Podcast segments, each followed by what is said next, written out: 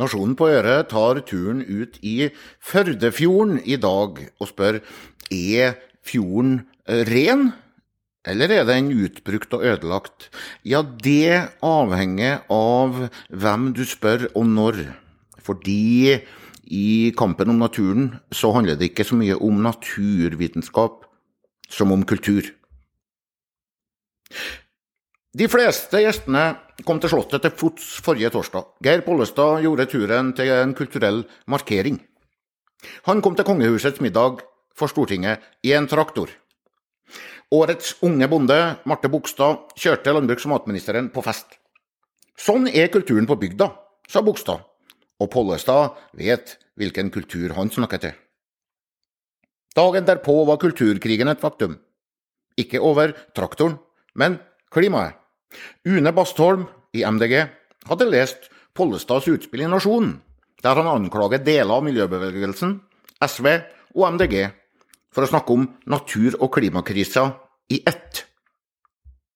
Pollestad sier man må erkjenne at de to tingene er i noen konflikter. All energiutbygging og all skogsdrift har påvirkning på naturen, sier Pollestad. Han mener aktivt skogbruk er en del av klimaløsninga.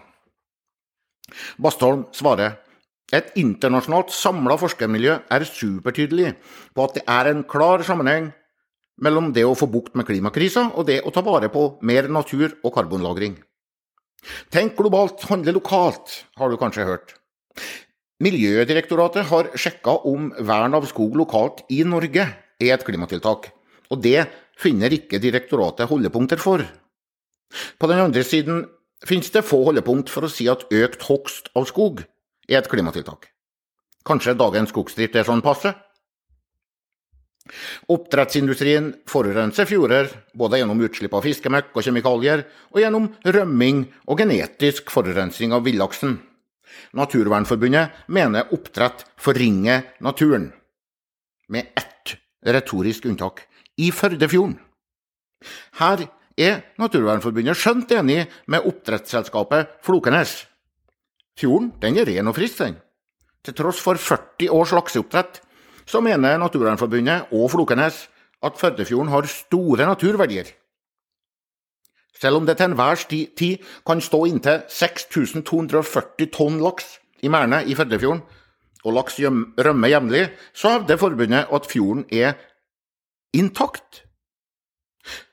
Havforskningsinstituttet de sjekka kjente rekefelt i Førdefjorden i 2021, og fant nesten ikke dypvannsreke.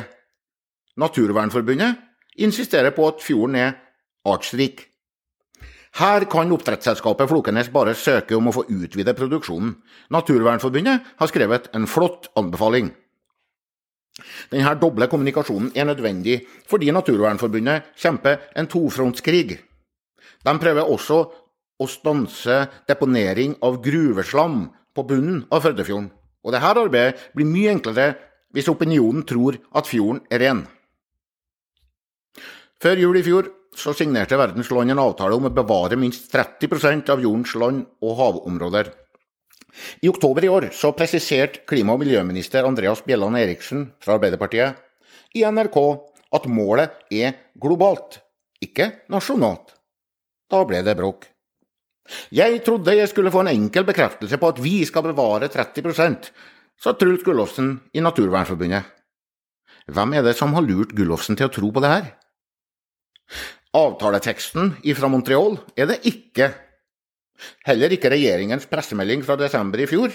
Den sier at minst 30% av land og hav på jorden skal bevares innen 2030. Og I intervju med Dagsavisen har Barth Eide i etterkant sagt at 30% ikke er noe mål for hvert land. Jeg tror overraskelsen til Gullofsen og hans kolleger er ekte, fordi det her ikke er vitenskap, men språk, og språk er kultur, og fordi språket om naturvern er kulturelt delt. De har rett og slett tolka fram et nasjonalt 30 %-mål. Men hvis ikke 30% hva da?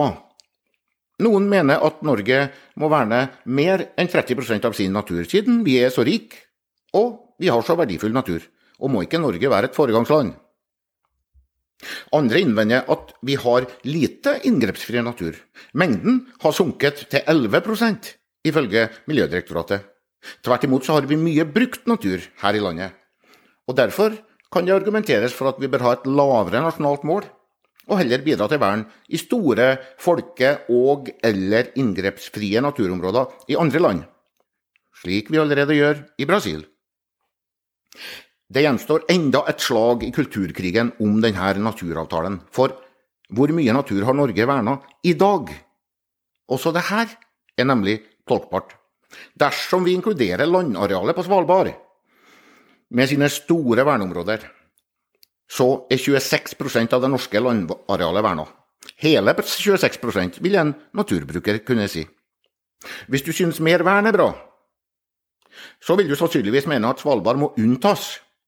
Og på fastlandet mellom Lindesnes og Nordkapp er nemlig bare, igjen tolka med vernebriller, 17% verna. Naturbrukere og naturvernere anklager gjerne hverandre for å ha ideologiske skylapper. Jeg kaller det kulturelle språkforskjeller. Og ja, det her er en kulturkrig. Nasjonen på Øre ønsker deg en god dag, og skal du ut i naturen, enten den brukte eller urørte, så får du ha god tur og en god tolkning.